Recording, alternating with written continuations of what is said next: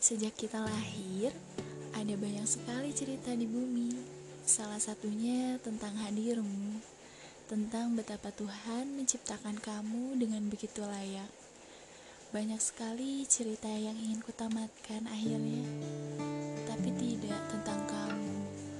Aku ingin menyusuri setiap makna dari setiap kamu. Cerita kita memang tidak ada akhir, karena sejatinya cerita kita belum pernah dimulai. Selama ini hanya ceritaku, yang di sana selalu ada tentang kamu. Kita ibarat buku ya. Aku yang menulismu dengan diksi yang indah, sedangkan kamu selalu melihat diksi dari buku yang lain.